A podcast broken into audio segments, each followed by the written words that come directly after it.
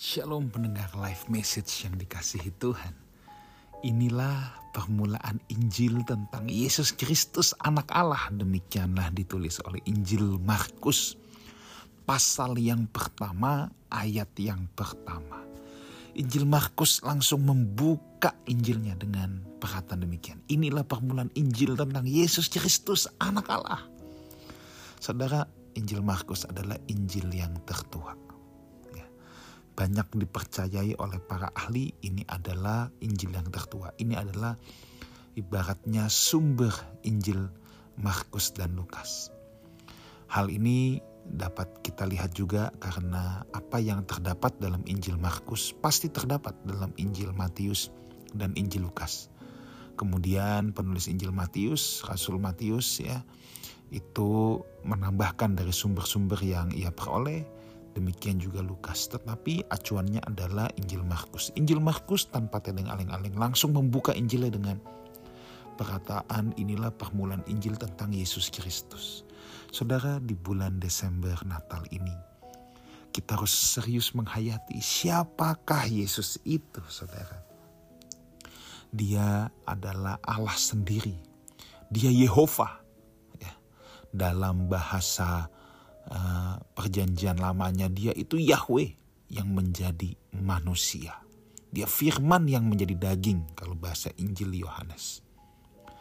Tetapi yang saya mau soroti di sini adalah banyak kita hanya mengenal Yesus sebagai juru selamat. Itu betul. Tetapi sejatinya lebih dari itu. Dia juga adalah sang raja. Sang raja artinya dia satu-satunya raja yang berkuasa yang seharusnya memerintah atas hidup kita. Dikatakan Kristus, Kristos dalam bahasa uh, Yunani. Ini bukan sekedar yang diurapi, tetapi ini istilah untuk tokoh kerajaan. Istilah Kristos itu istilah untuk tokoh kerajaan yang diurapi. Itu sebabnya ya, kalau kita merayakan Natal, kelahiran Yesus, Betul, Yesus harus lahir dalam hati kita. Tetapi sekarang pertanyaannya sebagai apa? Sebagai juru selamat, amin. Tetapi pertanyaan saya, apakah Yesus lahir sebagai raja yang memerintah atas hidup kita? Atau kita maunya memerintah hidup kita sendiri? Kita mau hidup suka-suka kita. Kita merasa kita yang memiliki hidup ini dan kita yang berhak mengatur segalanya. Atau sebaliknya, kita mau Tuhan yang mengatur akan kehidupan kita. Di sini kuncinya saudara. Saya mengajak pendengar live message sekalian, live house family. Kita hayati Natal kita tahun ini untuk kita rekomitmen ulang, merenungkan ulang siapa Yesus buat kita.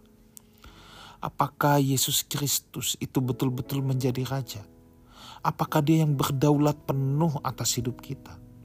Apakah kita mau menyalipkan kedagingan kita, meninggalkan keinginan-keinginan kita yang tidak sesuai dengan kehendak Sang Raja? Dia bukan sekedar penyelamat kita nanti dari api kekal. Itu sudah pasti. Tapi sekarang pertanyaannya apakah dia menjadi raja yang bertahta atas hidup kita? Itu yang harus kita jawab. Dan saya berdoa di Natal tahun ini kita serius rekomitmen menjadikan Yesus Raja atas hidup kita. Dan Yesus menyertai kita semua. Amin.